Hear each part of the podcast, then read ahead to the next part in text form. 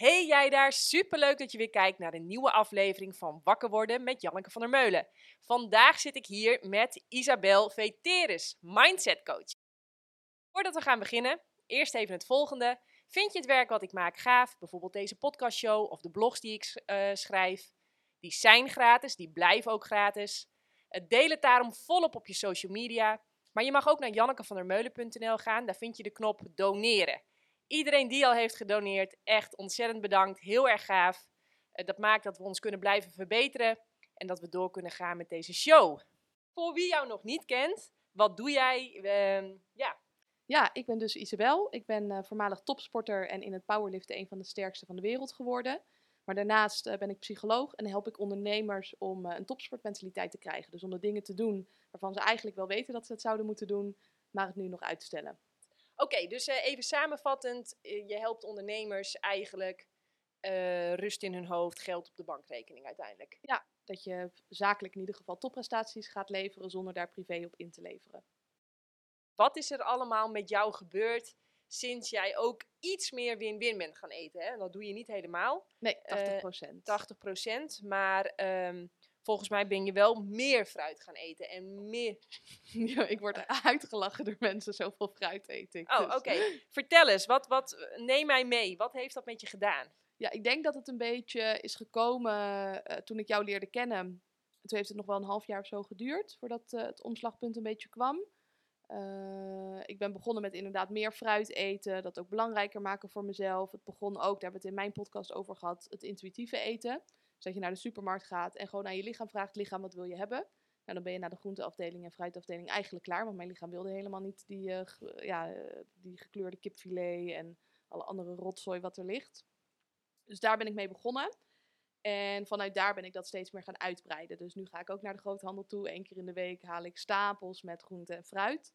Wat dat voor mij in ieder geval heeft opgeleverd om naar de groothandel te gaan, is dat ik maar één keer in de week boodschappen hoef te doen. En altijd dus gezond eten in huis heb. En altijd overvloed in huis heb. In plaats van wat ik voorheen deed, was dat ik dan een lege koelkast had en dan met hongerboodschappen ging doen. Nou, dat is meestal niet echt een goed idee. Um, wat ik heb gemerkt sowieso is dat ik meer, meer energie heb gekregen. En dat ik ook minder trek heb gekregen. Dus mijn bloedsuikerspiegel is veel stabieler gedurende de dag. Uh, ik herstel sneller van mijn trainingen. Uh, en ik zit beter in mijn vel. Ik uh, heb wel eens een 1 beta's laten doen, of twee zelfs. En toen was ik echt voor, ik heb er twee laten doen. Eentje toen we elkaar net kenden en eentje zeer recentelijk. En wat heel opvallend was, is dat ik veel minder ontstoken was. Ten opzichte van de vorige keer. Ik was ook eerst intolerant voor gluten. Dat was ook sterk afgenomen. Intolerant voor lactose. Nu neem, ik dat nauwelijks, maar was ook afgenomen. Dus mijn lijf is ook een stuk gezonder. En ik had ook minder tekorten dan eerst. Wauw, ik vind het best wel uh, impressive. Nee, ja, omdat ik toen ik jou leerde kennen, toen had je veel vlees. Heel veel vlees. Ik had toen ook nog dat dieet wat ik had gekregen, ja. dat ik uh, 200 gram eiwit per dag moest eten. Ja. Maar dat, uh, na een maand voelde ik me ellendig en ben ik daar toen mee gestopt. Ja. Ja, bizar. Ja. En uh, wat ik heel leuk vind, is uh, je hardloopprogressie. Want toen ik jou leerde kennen, met dat 200 gram, echt je lacht. ik, ben, dat... ik ben dus nog, toen ik Damian ook net leerde kennen, en toen kende ik jou ook, gingen we een keer hardlopen samen. Nou, hardlopen, na, dat... na 10 meter uh, ja, hijgde jij na als een oud trekbaar. Van, van de korte dwarsweg en terug. Naar dat kruispunt, zeg maar, waar ja, de auto's dat... oversteken. dat ging niet. Dat ging gewoon niet. Nee. En je, je, je had een hele zware adem. Echt. Ik ademde en... ook veel door mijn mond. En uh, veel te veel, te vaak, te oppervlakkig. En wat, vertel eens even, want hoe heb je dat? Want nu, uh, we zijn twee jaar verder, het is bizar. Je loopt nu gewoon aan één stuk. Hè, bij de crossfit moeten we dan een mijl rennen. Ja, hop, dat, dat loop je in één keer. Ja, ja daar ben hoe ik heb je dat... heel trots op. Ja, uh, dat snap ik. En hoe heb je dat aangepakt? Het was uh, als eerst bewustwording, dus ook van mijn ademhaling. Ik was heel blij dat je dat ook aan me teruggaf, want ik had geen idee dat dat zo was. Toen ben ik me ook gaan verdiepen in ademhaling, hoe dat eigenlijk zou moeten zijn. Of ik wist het wel, maar ik deed het ook niet. Dus ik ben uh, meer door mijn neus gaan ademen, mijn mond ook gaan afplakken met tape, uh, s'avonds. Ook met het sporten echt bewust gaan letten op mijn ademhaling, want ik kom uit het powerliften. Dus daar is het heel normaal om vanuit je mond adem te halen, alles vast te zetten en dan te gaan liften. En dan te stoppen en dan weer heel veel rust tussendoor te nemen. Dus powerliften, ik ben heel goed in het trucje powerliften, maar ik was niet fit. En nu ik begonnen ben met CrossFit, ben ik op alle vlakken ben ik fitter. Ik til wel minder kilo's, maar ik voel me wel veel beter. Eh, dus ik ben begonnen met het letten op mijn ademhaling tijdens de sport. Eh, en toen gingen wij samen, had jij gevraagd of ik een keer mee kwam crossfitten. En het allerbangste was ik dat we toen zouden moeten gaan hardlopen. Dat ik daar een heel verhaal omheen had van, oh, crossfit, ja, het lijkt me heel leuk, maar hardlopen, dat wil ik echt niet gaan doen. En toen die workout gingen we niet hardlopen, toen dacht ik, oh, gelukkig. En toen dacht ik, oh, ben ik ook een sukkel. Dit, eh, ik, ik ben mezelf aan het saboteren, dus toen ben ik de dag daarna maar gaan hardlopen. Dat ik dacht, ja, ik heb er nu toch al mentaal ingesteld dat ik zou gaan hardlopen, dan ga ik het nu doen ook. En toen een heel klein rondje gedaan en toen dacht ik, oh, het is eigenlijk helemaal zo erg nog niet. Ik heb dat heel groot gemaakt in mijn hoofd, dat ik hardlopen vreselijk vind en dat ik daar niet voor gemaakt ben. En ik ben natuurlijk wat zwaarder, denk ik, dan de gemiddelde persoon van mijn leeftijd. Ik heb veel spieren. Ehm, nou, ik had allemaal hele goede redenen waarom ik geen hardloper ben. Toen dacht ik, oh, dat is interessant om op te merken. Ik ga mezelf gewoon herprogrammeren. Ik heb mezelf verteld dat ik wel een hardloper ben en dat ik een gazelle ben en dat het helemaal niet zo snel hoeft, maar zolang ik dan in beweging ben en niet stop, dat het wel oké is. En dat ik ook die uitdaging aanga. Dus bij de CrossFit mag je altijd kiezen wat je doet. Tenminste, niet helemaal. Maar als ze zeggen je mag hardlopen, zijn er ook altijd mensen die dan op de fiets gaan. Maar dat ik dan het altijd wel aanga. En ook al loop ik tussendoor, dat maakt niet uit, maar dan ben ik het wel aan het doen voor mezelf. Dus door het echt veel te gaan oefenen. En niet te streng te zijn voor mezelf. Niet mee te gaan in al die negatieve stemmetjes die zeggen dat ik het niet kan of dat ik er niet voor gemaakt ben. Of uh, dat hardlopen slecht zou zijn of uh, whatever die stemmetjes je vertellen. En nu ren ik inmiddels dus uh, wel die mijl. En nog steeds heb ik belemmerende overtuiging hoor, maar ik ga er niet meer in mee. Wauw, heel gaaf. Ja. Heel gaaf. Ja, ook omdat ik van dichtbij die progressie heb gezien precies. en hoe je dat bent aangegaan. En um, um, omdat het voor mij, ja weet je, uh, ik ben ook een gazelle. Jij bent echt een gazelle. Als ik jou zo zie rennen, denk ik, wauw. dus, dus voor mij is het dan even van, huh, zo sterk en dan kun je niet hardlopen, weet je wel. Ik heb dan ook even van, oh ja, tuurlijk, uh, ik kan geen 200 kilo squatten. Nee, nee precies. ik, ik, ik, ik, krijg niet eens bewegingen, weet je wel. Ja. Dus hè, als wij naar het genetische spectrum kijken, dan zitten wij wel, denk ik, aan de uiterste. Ja. Hè, jij bouwt super makkelijk spieren op en... Ja. niet, kijk, ik, ik zie er nog steeds zo uit. Mijn overtuiging was ook, als ik meer fruit ga eten, dan verdwijnen mijn spierballen. dat, dat viel ook wel mee. Ja. ja, dat viel wel mee? Oftewel... Ja, ja, volgens mij is het hetzelfde gebleven. Ik maar heeft dat met het dieet te maken of heeft dat met de manier waarop je traint te maken? Ik denk bij mij ook de aanleg. Want toen wij nog in Oude Kerk veel trainen in de gym, deed ik nog wel bicep curls. Nou, die mag je bij de CrossFit echt niet doen. En mijn armen zijn nog net zo groot. Ja, wauw. Gaaf. Eens even kijken. Ik ga eens even terug uh, naar mijn um, uh, lijstje, want ik heb echt heel veel vragen opgeschreven. Um, oh ja, nog even. Nog, ik, sorry, ik schreef net nog op die bloedsuikerspiegel. Die is echt interessant. Mensen zijn namelijk doodsbang dat wanneer ze meer fruit gaan eten, dat hun bloedsuikerspiegel echt alle kanten opgaat en juist hoger wordt. Of weet ik veel waar ze allemaal bang voor zijn. Ik had het eergisteren nog. Toen deelde ik dat ik dus ontbijt met tussen de vier en zes bananen. En dan hoor je iedereen, dat kan ik niet hoor, dan word ik heel dik. En dat heeft dan denk ik met die bloedsuikerspiegel te Terwijl maken. jij wordt steeds droger. Interessant hè? Ik merk het ook echt aan mijn lijf. Ja. Ja. Dus het klopt niet. Maar je moet, nee. het gaan, je moet het ervaren en dan kan je het pas zeggen. Maar mensen okay. gaan het dan nog niet doen vanuit angst. Dus ik kan hier wel zeggen in de podcast van het komt helemaal goed. Of in zo'n groepje van het komt goed jongens. Maar ja, als jij dat stemmetje gelooft dan... Maar wacht even, nu zeg je iets super interessants. Want jij hebt er ook een... Jij hebt een half jaar lang bij mij de kat uit de boom gekeken. maar toen ik ermee begon geloofde ik het ook niet. Maar toen dacht ik, ja, als ik echt dichtgroei, dan kan ik altijd nog terug. Oké, okay, zo heb je... Ja, dan heb ik het in ieder geval geprobeerd. Ik geloofde er ook niks van. Maar hoe, wat zeg je dan tegen jezelf om je over die... Hoe, hoe, hoe, of denk je dan gewoon, nou ja, die Janneke misschien... Of wat, wat denk je? Hoe gaat zoiets? Ja, ik ben natuurlijk heel veel aan het flirten in mijn hoofd met het idee. Dus ik zie jou natuurlijk het allemaal doen. Maar toch heb ik die overtuiging van, ja, Janneke kan het wel. Maar voor mij is dat niet weggelegd. Hè? Ik groei helemaal dicht als ik dat zou doen. En dan ga je steeds weer met dat idee flirten van wat nou als het wel waar is. Nee, nee, dat kan niet. Wat nee, hè, op die manier.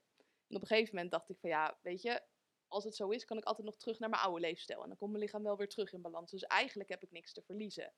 Je moet altijd voor jezelf gecalculeerd risico nemen. Dus hè, stel dat ik op die manier zou eten en ik zou helemaal dicht groeien. Kan ik dan nog terug? Ja. Oké, ben ik dan bereid om toch die stap te nemen? Dat heb ik ook in mijn eetstoornis gedaan. Toen ik mezelf ook het verhaal verteld dat als ik zou gaan eten, want ik heb natuurlijk hele ernstige eetstoornis gehad, dat ik super dun was. En ik had mezelf verteld, als ik ga eten, normale mensen kunnen wel gewoon eten, maar ik kan dat niet. Hè? Ik zal er altijd op moeten blijven letten. Toen dacht ik, nou, wat nou als het niet zo is?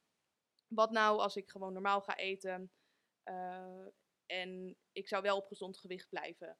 Zou dat het waard zijn ten opzichte van als ik normaal ga eten en ik zou helemaal dichtgroeien en ik zou weer gewoon, want ik heb alle kennis, weer stoppen met eten en heel veel bewegen.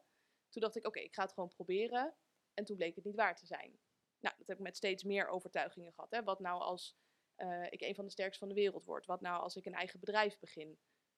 Gaat het dan helemaal mis met mijn leven? Of eh, blijf ik wel overeind staan? En met dit dacht ik ook van, joh, weet je, ik ben bereid om die sprong in de diepe te wagen. Ik ben bereid om die dingen dan op te geven. Met de kans, en ik denk dat er een veel grotere kans is dat ik me veel beter ga voelen. En dat was uiteindelijk wel het geval. Ja, knap. Knap. Ik denk dat het belangrijk is voor de luisteraar dat je ergens nog niet helemaal in hoeft te geloven om het toch te gaan doen. Oké. Hoe zit dat dan? Ja, je bent nooit ergens 100% toch van overtuigd. Voordat je het gaat doen. Juist Nee, door ja, het te feeling doen, is er- understanding. Ja, maar je moet het eerst doen voordat je dat gaat voelen. Net zoals mensen die helemaal niet gezond leven en die willen gezonder gaan leven, die kunnen niet met 100% zekerheid zeggen dat ze zich beter gaan voelen. Maar ze zien wel dat anderen het aan het doen zijn. En op basis daarvan denken ze, ja, als het voor hen werkt, misschien voor mij ook. Ook al geloof ik het nog niet, ook al voel ik het nog niet. Maar toch ga ik het doen. Wauw.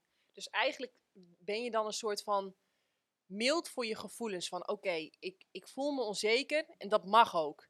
Maar dat betekent niet dat ik me ondanks die onzekerheid tegen ga houden. Dus ik ga eigenlijk met, met knikkende knieën en een beetje zweet in mijn bilspleet, Precies. ga ik, ga ik toch doen. Ja, en zo heb ik heel veel in mijn leven gedaan. Wauw, gaaf. Heel gaaf. Ehm, ik heb hier ook opgeschreven, ja leuk, en dan schrijf ik dat heel leuk op. maar ik heb hier opgeschreven afwijken van de norm. Ja, dat doe jij, dat doe ik, dat doen wij allebei. Vert- Vertel eens. Ehm, toen ik eh, studeerde, toen eh, deed ik nog psychologie, dus ik was redelijk de norm. Maar toen deed ik al aan krachttraining. En toen waren mijn armen al een stuk groter dan gemiddeld. En dat mensen ook aan mij vroegen, vind je dat dan niet erg dat je armen zo groot zijn? En dat ik toen ben gaan leren om het afwijken van de norm te gaan omarmen. Want als ik me elke keer ging verdedigen naar die mensen, ja, dat vond ik toch vrij zwak. Want ja, ik vond het aan de ene kant wel vervelend. En aan de andere kant dacht ik, ja, mijn armen zijn een soort van machines. Die doen gewoon wat ze moeten doen. En dat is het resultaat van mijn harde trainen. Dat kan dat heel vervelend vinden, maar dat, dat doet niet zo heel veel. Eh, en dat ben ik steeds meer gaan omarmen om af te gaan wijken. Dus om dingen te doen die andere mensen niet doen. En toen kwam ik er ook achter dat die norm vandaag de dag zo gevaarlijk is. Dat de norm is om ongezond te zijn, om te dik te zijn, om ongelukkig te zijn, et cetera. Dus ik ben steeds meer dingetjes gaan proberen waarvan de norm zou zeggen, dit moet je niet doen, om te kijken of dat voor mij werkt. Nou, sommige dingen werken helemaal niet voor me, maar dan heb ik het in ieder geval geprobeerd. En sommige dingen werken fantastisch. Dus ik ga bijna elke dag in een ijsbad. Bijna niemand doet dat. Mensen vinden dat heel gek. En voor mij werkt dat dus supergoed. Of ondernemen wij- wijk je af van de norm. Door zwaar te trainen wijk je af van de norm. Door heel erg open te praten over geld en dat te omarmen wijk je af van de norm. En wat ik bij jou dus ook zo leuk vind, is dat jij op heel veel vlakken en soms ook nog wel andere vlakken dan ik heel erg afwijkt van de norm. Ja, Ja. nee, ja. eh, eh, eh, ik heb het idee, ja, omdat wij, wij zitten ook een beetje in een bubbel. Dan vergeet je dat soms. Ja, ja, ja, Wij vinden het zo normaal dat we iedere keer in dat ijsbad stappen. precies. Dat, dat ja. Maar ik was van de week dus aan het oppassen op het huis van Damian en Veri. En die hadden klussers om de schuur op te knappen. En die passen iets meer bij de norm. En die vonden het heel raar wat wij daar allemaal deden. Dat ik daar elke dag dat ijsbad inging. En dan gingen ze ook zo voelen hoe koud het was. En dan was het echt koud. Gingen ze er zo ijsblokjes bij gooien, omdat ze dat zo grappig vonden. Ehm, maar dan word je dus weer even geconfronteerd met, ja, realiteit is misschien een gekke woord, maar wel met de norm. ja, met een norm, ja. Waarom eh, denk jij dat het lonend is om af te wijken van die norm? Ja, je moet niet gaan afwijken om het afwijken. Dat als iedereen naar links gaat, dat je standaard naar rechts gaat. Maar wel dat je eens gaat onderzoeken van, wat is daar dan rechts? Waarom gaat niemand daar naartoe? En dan kan je vanuit daar beslissen, ik ga met de norm mee of ik ga dat niet doen. Maar de meeste mensen doen wat de meeste mensen doen. Maar dat betekent niet dat het het beste idee is. Volgens mij zei eh, Einstein dat ook. Hè? Als je bij de norm behoort, dan is het wel een moment om eventjes eh, stil te gaan staan en te reflecteren. Wil niet per se zeggen dat het niet een goede keuze is om aan te sluiten bij die norm. Maar hij zei wel, was het Einstein of was het iemand anders? Shit, nou ja, maakt ook niet uit. Maar ehm, to pause and to reflect again. Ja, precies. Ja. hey, ehm, ik heb hier ook opgeschreven spiritualiteit. Ja, dat waren mijn vragen ook eigenlijk aan jou. Dus dat stukje afwijken van de norm en het stukje spiritualiteit. Dus ik wil ook nog even met jou ingaan, juist op het afwijken van de norm. Omdat dat, door je bubbel zie je het niet meer. Wat Nee. eigenlijk eh, afwijkend is en wat niet afwijkend is. Wat ik bij jou heel leuk vind, is hoe jij het hele proces met Doutse hebt gedaan. Want ik heb ook van andere mensen het proces gezien als ze zwanger zijn. En ze beginnen al met, ze zijn zwanger en ze gaan een controle laten doen. Hoe heb jij dat gedaan? Nou, eh, daar heb ik wel al twee podcasts over opgenomen. Eh, de eerste is ehm, Moeder worden van Nicky en Kitty. In die podcastshow vertel ik ook eh, helemaal waarom ik dat heb gedaan en ehm, wat ik heb gedaan en waarom ik eh, dat heb gedaan. En in een andere podcastshow is met eh, Michelle ten Berge. Dan vertel ik ook veel. Michelle is caseload verloskundige. Dus die, heeft, die werkt, die is zelfstandig, is ondernemer. En ehm, die begeleidt dus per nou, kwartaal, denk ik, begeleidt die vier stellen. Dus die, gaat, die, die is echt jouw coach. Ja, En die gaat jou helemaal. eh, ja, ik, ik, ik, ik wilde dat niet. Dus ik heb haar eigenlijk betaald om eh, haar mond te houden en zich nergens mee te bemoeien. maar dat we wel ehm, ook voor Mitchell eh, zijn gemoedstoestand een, een professional op de achtergrond hadden. en dat jij vanuit daar lekker je ding kon doen. eh, Ja. ja. Ja, eh, maar dat is natuurlijk niet eh, zonder reden. Wat ik namelijk heel veel. Ik, ik las een quote bijvoorbeeld over het doen van echo's.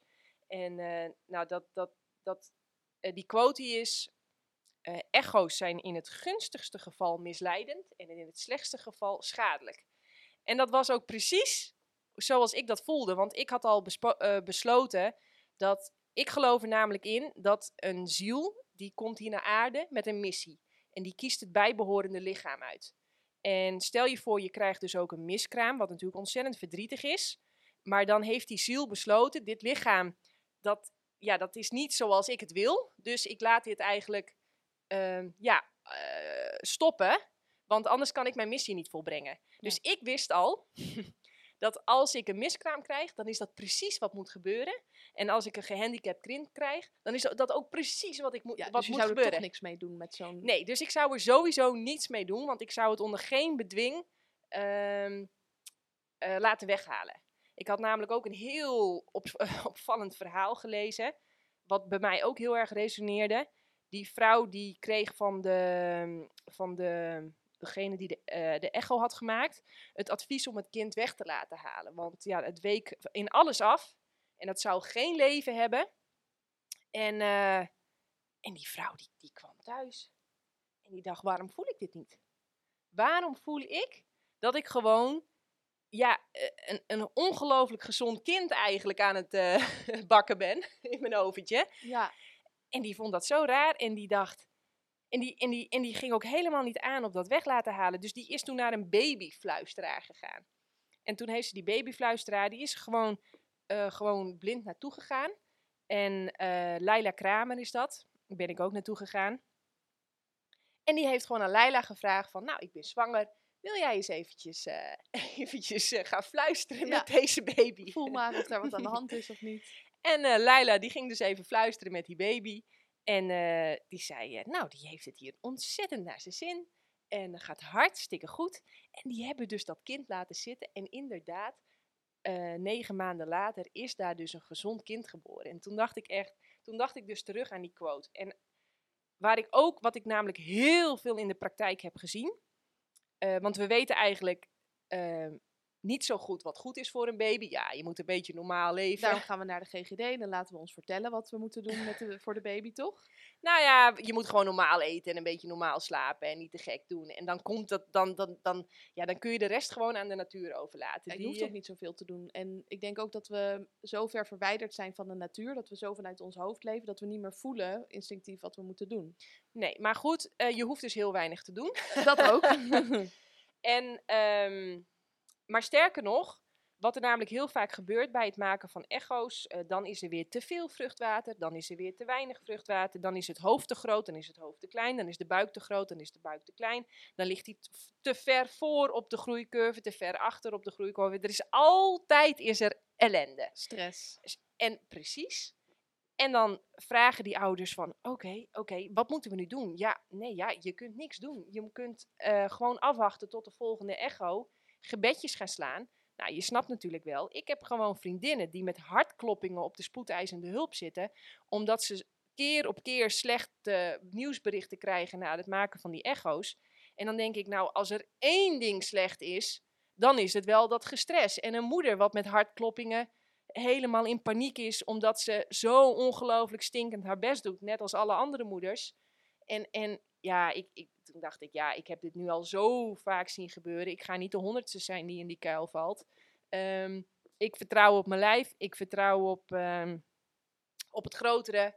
En, uh, en, maar wat ik ook zo opvallend vond, ik voelde direct precies het karakter van de oudste. Ik voelde direct, hier zit zo'n ongelooflijk vrolijk, gezond, sterk kind. Dat weet precies hoe ze geboren gaat worden. Precies op welk moment. En ja, en, en ze kwam er ook echt uit.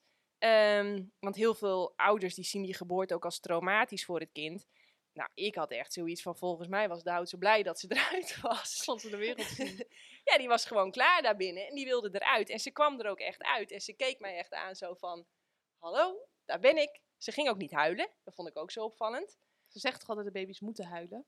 Ja, maar zij huilde niet en ze was echt berensterk. Echt direct heel erg. Misschien komt dat van al dat roeien wat ik tot uh, 34 weken heb gedaan.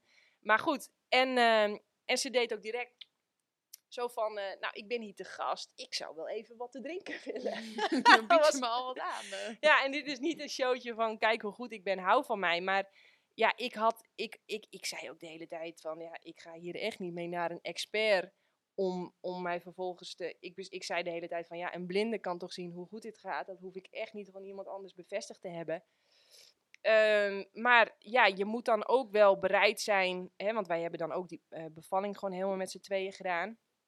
Ja, uh, dat kan, net als in het ziekenhuis, kan dat fout zijn. En mijn vader die vat dat heel grof samen met fokken is schokken. en ja, het kan ook zijn dat die ziel ervoor kiest van... Uh, ja, dit was voldoende voor mij. Ik, ik ben, ja, dit, dit, is nu mijn tijd om te sterven. En daar moet je dan wel vrede mee hebben. Ja. En dat wil niet zeggen dat we dan staan te juichen. Zo van, nee, nou, natuurlijk niet. Je bent uh, ook een mens, je hebt ook emoties. Uh, precies. Uh, maar ja, ik was wel zo van, ik wil dat niet. ehm, waarom? Ja, dat zijn allemaal anekdotische drogredenen. Um, maar ik, had, ik ken ook een vrouw die heeft het eerste kind op een natuurlijke manier gekregen. En dat tweede, dat lukte maar niet. En toen zijn ze dat uh, met heel veel IVF-pogingen, is dat uiteindelijk toch gelukt. En zij heeft in vertrouwen tegen mij gezegd van, ik zou dat niet weer doen. Want het was, een, het was echt een aanval op mijn eigen lichaam. En ik zie, het lijkt ook wel alsof deze ziel, ja, het hier wel is, maar dat net niet. Het is natuurlijk een supergevaarlijke uitspraak, want er zijn natuurlijk ook heel veel zielen die juist hun kans grijpen om via zo'n IVF-traject alsnog naar de aarde te komen. Maar um, ja, ik heb gewoon er heel veel over nagedacht en heel veel gefilosofeerd van, ja, wat past echt bij mij? En ik denk dat dat het belangrijkste is. Uh, ik heb wel ook de hele tijd vanuit het punt van, ik ben in de lead. Ik ben, ik ben een decision maker. Ik ben degene die de arena in moet. Maar dat je überhaupt al een keuze hebt, dat is al besef nummer één. Ja, ja, ja. Het lijkt alsof dat allemaal verplicht is. Uh, dat staat namelijk ook wel echt in alle boekjes hoor. Als je zwanger bent, bel dan direct de verloskundige bij jou in de buurt. Ja, dat, dus ja, ik vind het niet gek dat iedereen dat dan braaf doet, maar ja, ik doe het niet. Nee.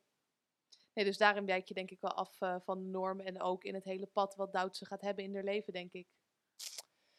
Ja, ja, ik, uh, dat, dat, dat weet ik natuurlijk niet. Dat kan ik, dat, we gaan het zien. Uh, dus zijn het, ja, dat, dat weet ik niet. Ja, ergens wel. Ja. Maar uh, het is haar hoe ze natuurlijk eet. Dat ze zo'n vrolijk kind is. Dat zijn de meeste kinderen helemaal niet. Hè. Ze is naar iedereen aan het zwaaien. en altijd blij. Maar dan wijk je af. Dat is gek. Ja, Mijn zus werd vroeger gepest omdat ze te blij was. Dus wordt er echt hardhandig wordt dat, uh, eruit gehaald. Ja, wordt dat gecorrigeerd door de groep. Ja. Ja, bijzonder. Ja, uh, maar ze loopt haar pad en ik ben super nieuwsgierig waarom ze ons met ons dieet, want ja, dat hebben we nu al bijna tien jaar, of meer dan zelfs. Dus ze wist dit. En daar heeft ze bewust voor gekozen. Ze dus gaat ik er ben hartstikke goed op, volgens Ja. mij. Ze heeft net nog passievruchtenpitjes uit mijn handen zitten smikkelen. granadilla. Oh ja. Ja, granadilla, mango, avocado is ze allemaal dol op. Eh, maar ze zal met een reden ons als ouders hebben uitgekozen. En ik weet nog niet waarom, maar eh, ja, we zijn wel super nieuwsgierig. Dus eh, ja, afwijken van de norm. Had jij nog meer vragen? Ja, wat ik bij jou ook leuk vind, daar eh, kwam ik volgens mij vorig jaar ergens achter. Jij gaat niet naar de tandarts, hè? Vertel. Ja, eh, We gaan wel naar de fysio voor onderhoud. eh, we gaan wel naar de sportschool voor ik ga onderhoud. ook zeker niet naar de fysio. nooit naar de fysio? Oké. Als ik ga, dan is dat naar Olaf van Andel. Hij is helemaal vegan en hij kan goed masseren. Maar ik zeg altijd, spieren passen zich aan naar de lagen daaronder. Dus ik ga één, twee, dan moet ik echt opschieten dit jaar, want anders ga ik het weer niet redden. Drie keer per jaar naar manuele therapie ES, Eggshell methode. Dat is de Van der Bijl methode en die zet je draaipunten in optimale lijn. Ehm, dat is heel wat anders dan fysiotherapie. Nee, ik ga ook niet naar fysiotherapie. Bij Magic Magda. Nee, Magic Magda is dus de Van der Bijl Oh ja. methode. Dat is eh, manuele therapie ES. Ja, ik ga niet naar de tandarts. Nee, wat moet ik daar? Ik leef in overeenstemming met mijn anatomie. Eh, ik eet op de manier waar mijn tanden op zijn, voor zijn gemaakt. Ja, ik, eh, het voelt helemaal goed. Eh, ik heb geen klachten. Wat, wat, wat, wat moet ik daar dan? Hoe komen, denk je, de meeste tandproblemen bij mensen? Gaatjes en dat soort... veel gekookte shit eten, heel veel granen eten, heel veel dingen eten die aan je tanden vastplakken. En eh, dus dat is eh, voeding wat eh, arm is aan vocht. Je moet je voorstellen, de hele top 5 bestaat voor meer dan 70% uit water. En een ander heel belangrijk onderdeel is dat je mond blijft gezond door het hebben van heel veel mineralen. Die mineralen die bufferen namelijk de zuren.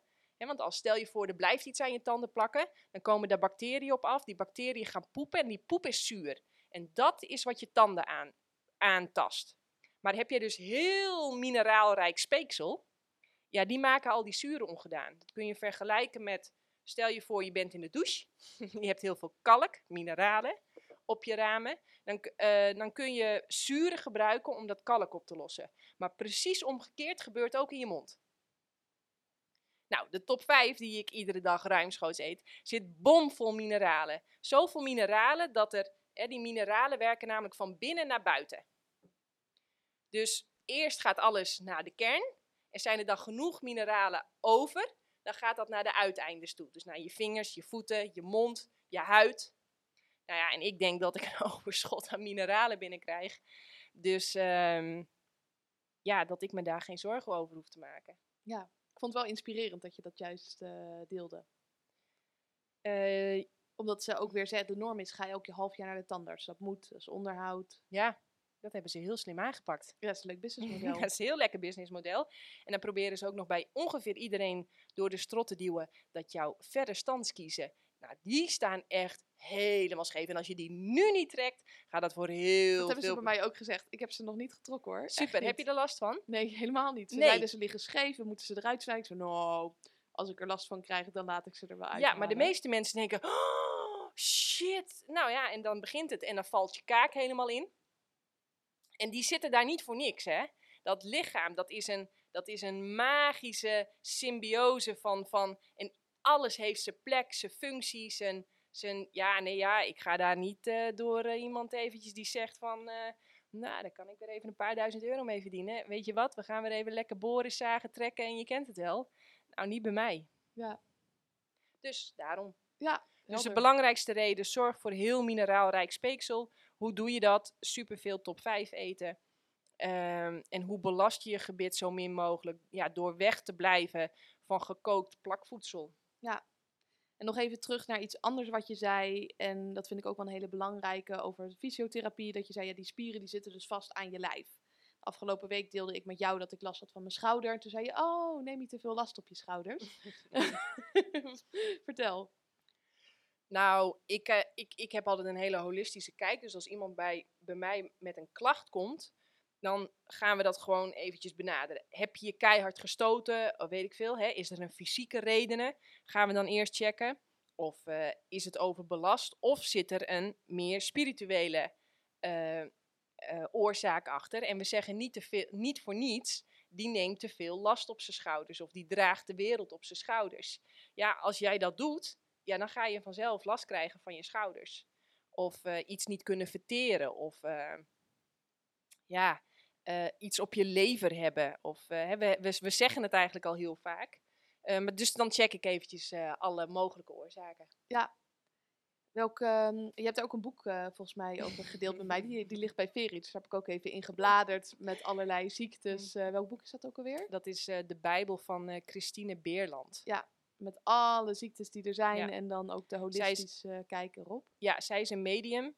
En zij eh, gaat dan eh, met zere schouders, daar gaat ze dan, pijnlijke schouders, daar gaat ze dan een soort van op channelen. En dan krijgt ze dingen door en dan, dat heeft ze allemaal opgeschreven. En dat boek is heel erg helpend ehm, voor sommige mensen. En ja, ik vind dat is wel een, een klassieker. die moet je, moet je tussen aanhalingtekens wel in je kast hebben staan. Dus ja, ik heb die ook. En als ik soms eventjes eh, iets, iets voor me kiezen krijg, ja, dan check ik toch eventjes. Wat zegt eh, Christine erover? Ja, en ik vind het dus ook interessant als mensen mij vertellen van... Ik heb heel veel allergieën of ik heb last van deze dingen. Ik denk, oh goh, interessant. Hè? Welke trauma's zouden daar misschien onder zitten? Het lichaam is, doet nooit iets om jou te pesten. Het lichaam is altijd in dienst van jou. En eh, fysieke klachten of, of, ja, is niks anders dan een feedbackmechanisme van je lijf om met jou te communiceren. Dus dat is jou iets aan het vertellen. Maar je En- luistert niet. Ik denk dat veel mensen niet luisteren en dat je daardoor... Nee, de meeste mensen zien het als, oh, er gaat iets fout. Ja. En ik zeg altijd, nee, het is een hele gezonde reactie op misschien wel een ongezonde situatie. En als je vanuit dat oogpunt kijkt, ja, dan wordt het ineens, dan wordt je klacht wordt een kans. Van, oh, hé, hey, ik mag hier iets gaan leren. In plaats van, ja, er is hier iets kapot en dat moeten we fixen. We moeten gaan snijden, of we moeten gaan stralen, of we moeten gaan eh, eh, pillen erop drukken. En, en, en, en ja, dan, en dan, ja, ik, ik- dan denk ik nee, ik zie dat anders. Hoe zie jij bijvoorbeeld intoleranties of allergieën? Sommige mensen hebben een bijna dodelijke allergie dat het lichaam zichzelf dus zou uitschakelen om dat signaal te geven. Ja. Nou, hoe dat allemaal precies ziet, dat weet ik ook niet. Hè? En eh, als je een pindaallergie hebt, en en dat is vaak bij pinda's namelijk. Ja, En, eh, of vis soms. ja, vis. eh, Maar dat ja. moet je sowieso niet eten in jouw... eh, nee, vis moet je sowieso niet eten. Maar dat is natuurlijk op, in de eerste plaats wel even heel vervelend. Want het is natuurlijk, dan wordt het wel een beetje spannend. Als er ergens zomaar pinda in kan zitten en dat, en dat kan voor jou een dodelijke afloop hebben. Nou, dat lijkt me wel pittig. dus, eh, maar ook dan zijn er, eh, ken ik technieken die je ook daar weer van af kunnen helpen. Want eh, je moet, tenminste, die techniek die, die, die, die gaat het dan vanuit dat het een, eh, ja, een overtuiging is eigenlijk in jouw systeem. En ja, een, een niet helpende overtuiging. En dan is het weer aan jou, hoe ga je daarmee om? Ga je, ga je het negeren? Hè? Ga je het ontkennen? Of ga je het vermijden? Of ga je het aan? Ik heb er ook inderdaad een boek over gelezen dat je jezelf andere verhalen kan vertellen. En dat dat echt eh, in 9 van de 10 gevallen betekent dat de hele allergie weggaat. Dus eh, er zijn mogelijkheden. Ik heb ook heel veel hooikoortsmensen. Op dit moment speelt dat heel erg, hooikoorts.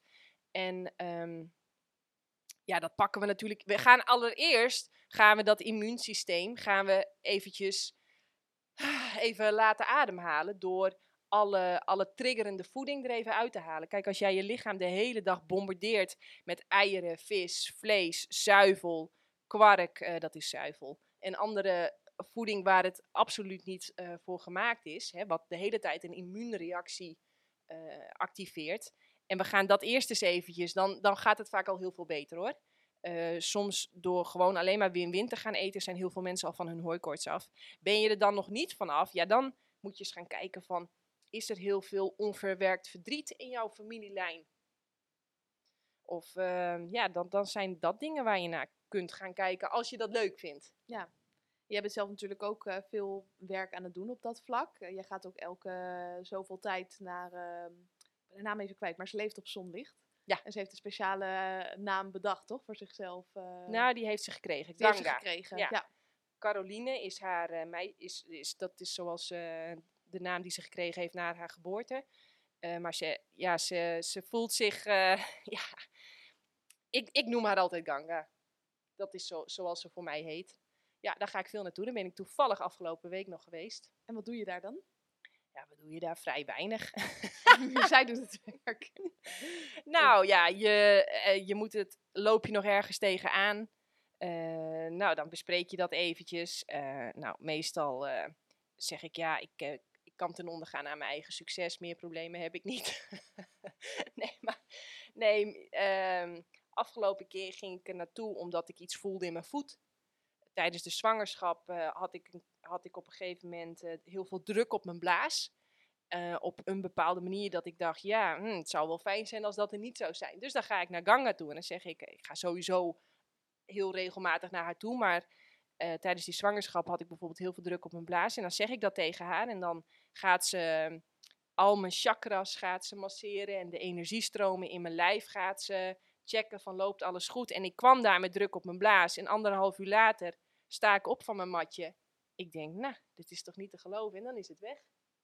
Dus ehm, tijdens mijn zwangerschap kreeg ik ook ineens droge hakken. Dat is interessant. Ja, ik dacht, hoe kan dit nou? Ik krijg ineens droge hakken. Nou, dan zeg ik dat tegen haar. Nou, zegt ze, weet ik niet. Nou, dan gaat ze bezig en ik zeg, als je iets doorkrijgt, dan moet je het zeggen. Hè? En toen kreeg ze ineens iets door. En ehm, ze kreeg omega-3 door. Nou ja, ik dacht, baat het niet, dan schaadt het niet. Dat weten we namelijk van omega-3. We weten niet of, dat nou, of je dat nou moet suppleren, of dat je dat wel moet doen of niet moet doen. Ehm, er is heel veel onderzoek naar gedaan, maar voor veganisten is het vaak zo, doe maar wel. En ik deed dat niet. En toen zei zij dat ineens. En toen dacht ik, nou, dan ga ik dat dus ook maar even wel doen. En inderdaad, het was helemaal weg. En later kan ik me dan nog wel eh, ergens in vinden, want ehm, ja, ik eet heel veel groene smoothies. Dus krijg ik superveel bladgroen, kruiden en kruiden binnen. Wat natuurlijk een hele belangrijke bron is van omega-3. Maar tijdens mijn zwangerschap had ik niet echt eetlust.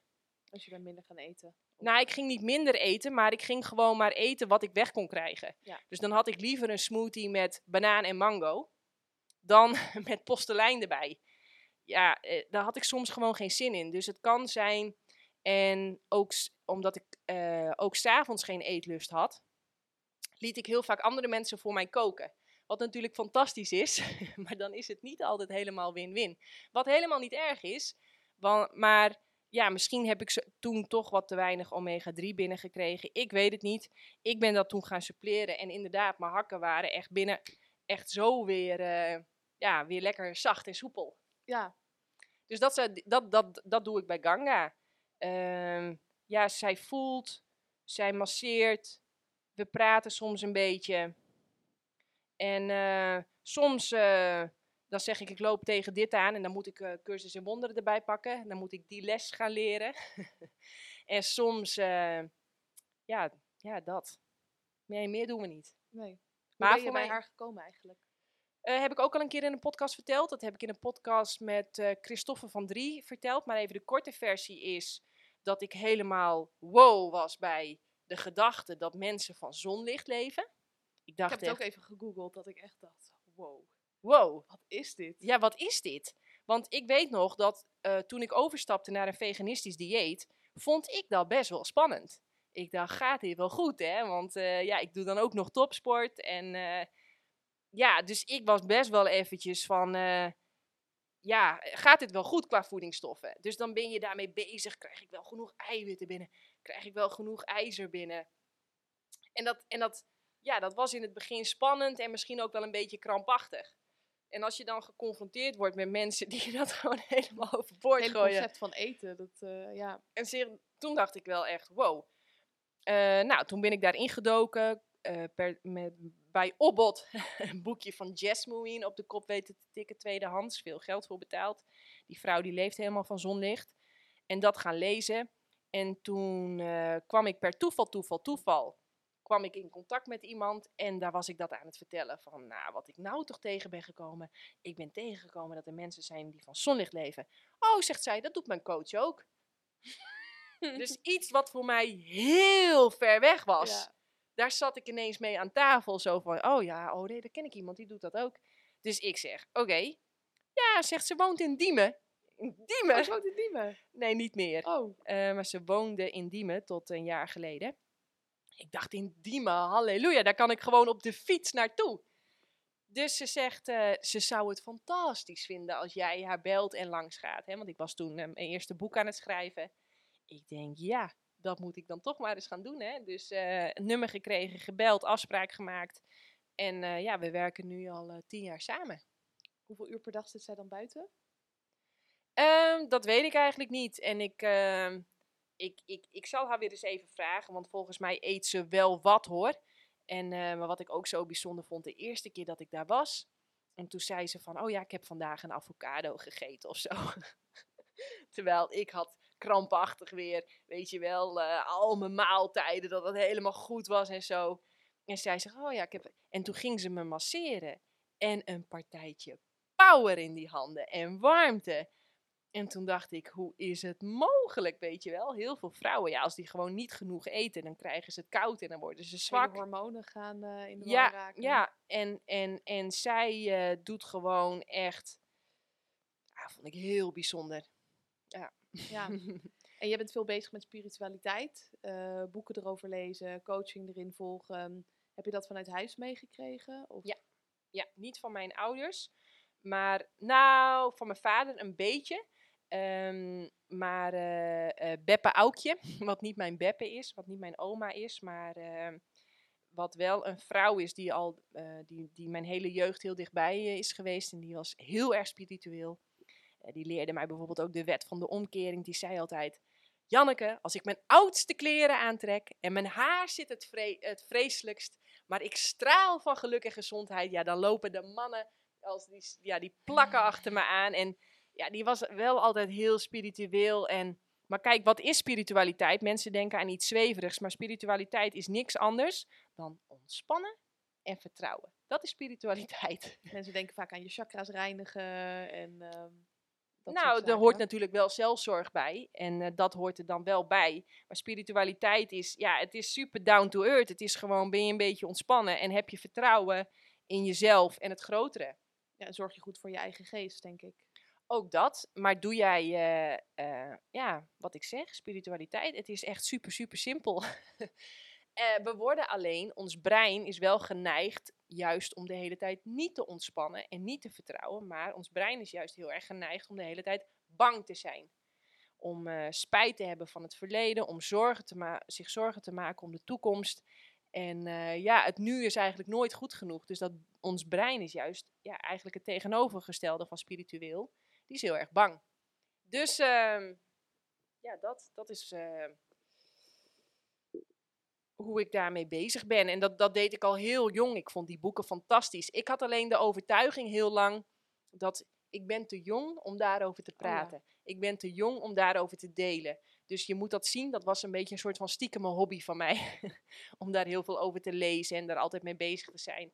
Ja, maar je moet je voorstellen, ik was 15. Toen deed ik mijn eerste chakra cursus. Wat cool. En eh, ja, dat vond ik toen al heel interessant. Maar dat ging ik natuurlijk niet op school aan iedereen vertellen. Nee, dat was iets wat ik gewoon stiekem eh, met mijn buurvrouw deed. Ja, Ja. maar dat vond ik wel heel interessant. En het heeft, me, het heeft mij echt ontzettend veel ehm, gebracht. Ja, kan Ja. me helemaal voorstellen. Ja. Heb jij nog. ehm, Oh ja, ik heb hier nog eh, de vraag eh, opgeschreven. Isabel, denk je dat de wereld naar de kloten gaat?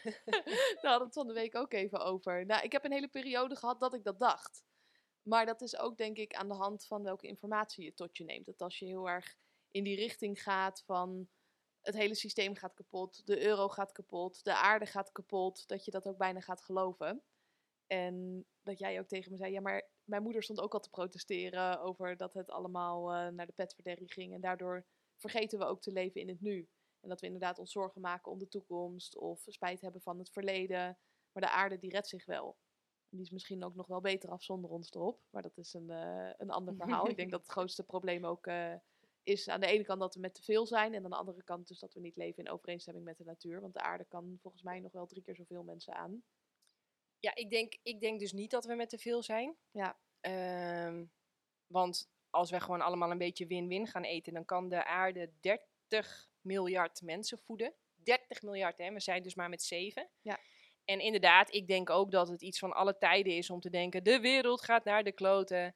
Ehm, ehm, dat wil niet zeggen dat het niet, dat het niet gezond is om je een beetje druk te maken. Druk te maken, wacht even, dan moet ik even de juiste woorden voor kiezen.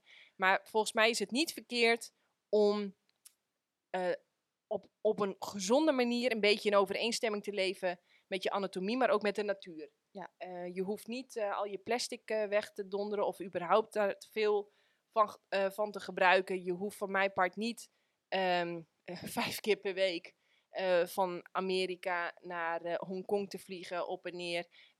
Dat, kun je misschien af en toe ook even zoomen. Ehm, weet je, je, je denkt wel een beetje na. Ehm, en, en ik denk dat je de grootste klappen maakt door op de win-win manier te gaan ehm, eten. Dat spaart zo ongelooflijk veel bos. Dat spaart zo ongelooflijk veel zee en oceaan. Dat spaart zo ongelooflijk veel schoon water en schone lucht. Dan, heb je, dan, dan, dan maak je echt al een gigantische stap. Ehm, maar het zou wel zonde gaan dat. eh, het zou zonde zijn als jij de aarde probeert te redden ten koste van je eigen, eigen wereld. Ja, je eigen geluk ook. Als je daar de hele tijd mee bezig bent en een doomsday bunker gaat bouwen en constant het nieuws aan het volgen bent over hoe Nou, het dat lijkt me sowieso niet handig, het nieuws volgen. er blijkt geen relatie te zijn tussen het nieuws en de werkelijkheid. Dus het nieuws kijken en de krant lezen is wat mij betreft als het eten van de hele dag eh, junkfood. Zelfs eh, mensen die het nieuws kijken, die denken ook dat het erger is dan dat het eigenlijk is.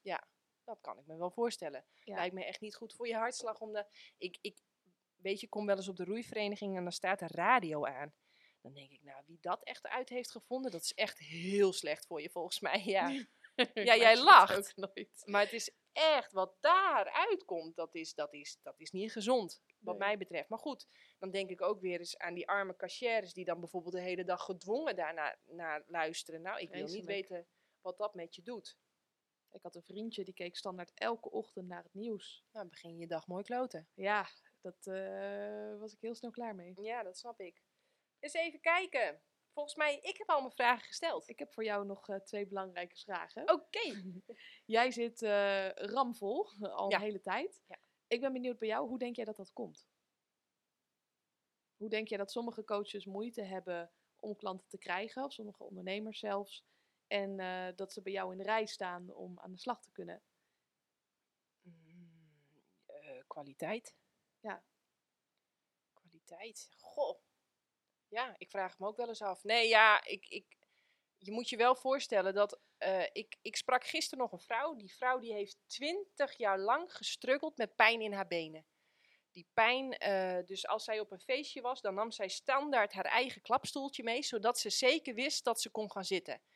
Eh, moest ze ergens naartoe en was er mogelijk een rij, dan nam ze haar klapstoeltje mee, zodat ze kon gaan zitten. Zulke vreselijke pijn in haar benen. Ze was ook al 30 jaar lang, probeerde ze af te vallen, maar ze werd alleen maar zwaarder, zwaarder, zwaarder.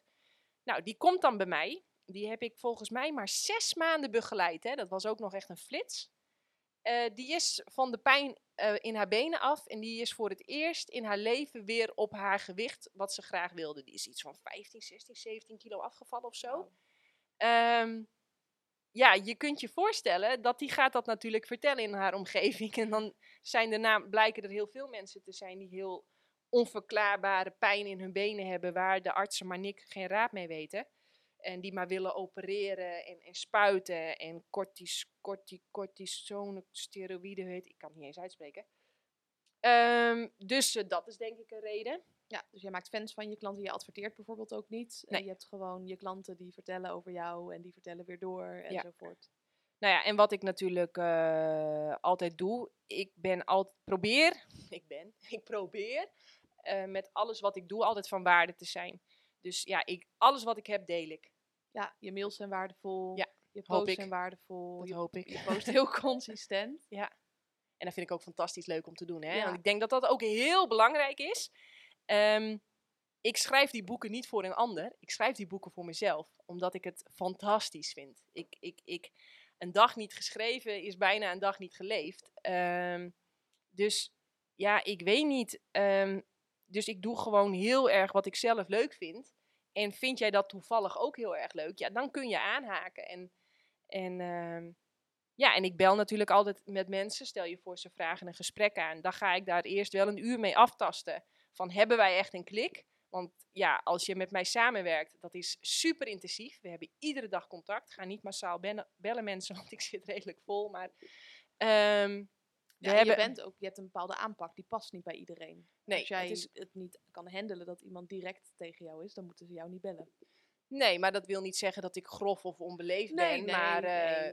als jij, als jij, ehm, als jij bereid bent om eh, te veranderen, dan, zijn daar, dan, dan zit daar soms een beetje veranderpijn bij.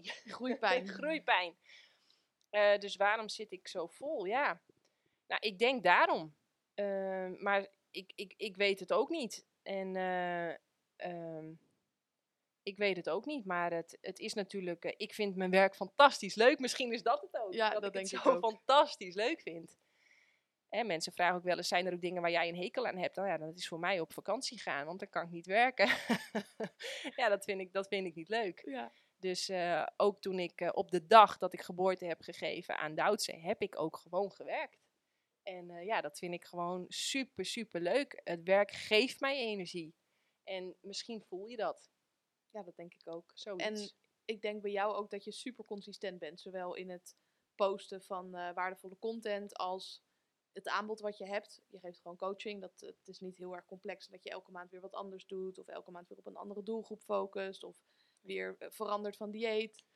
Eh, Nee. dat zie je ook wel hoor bij mensen. Dat ze dan steeds weer wat anders roepen. En dat is heel verwarrend.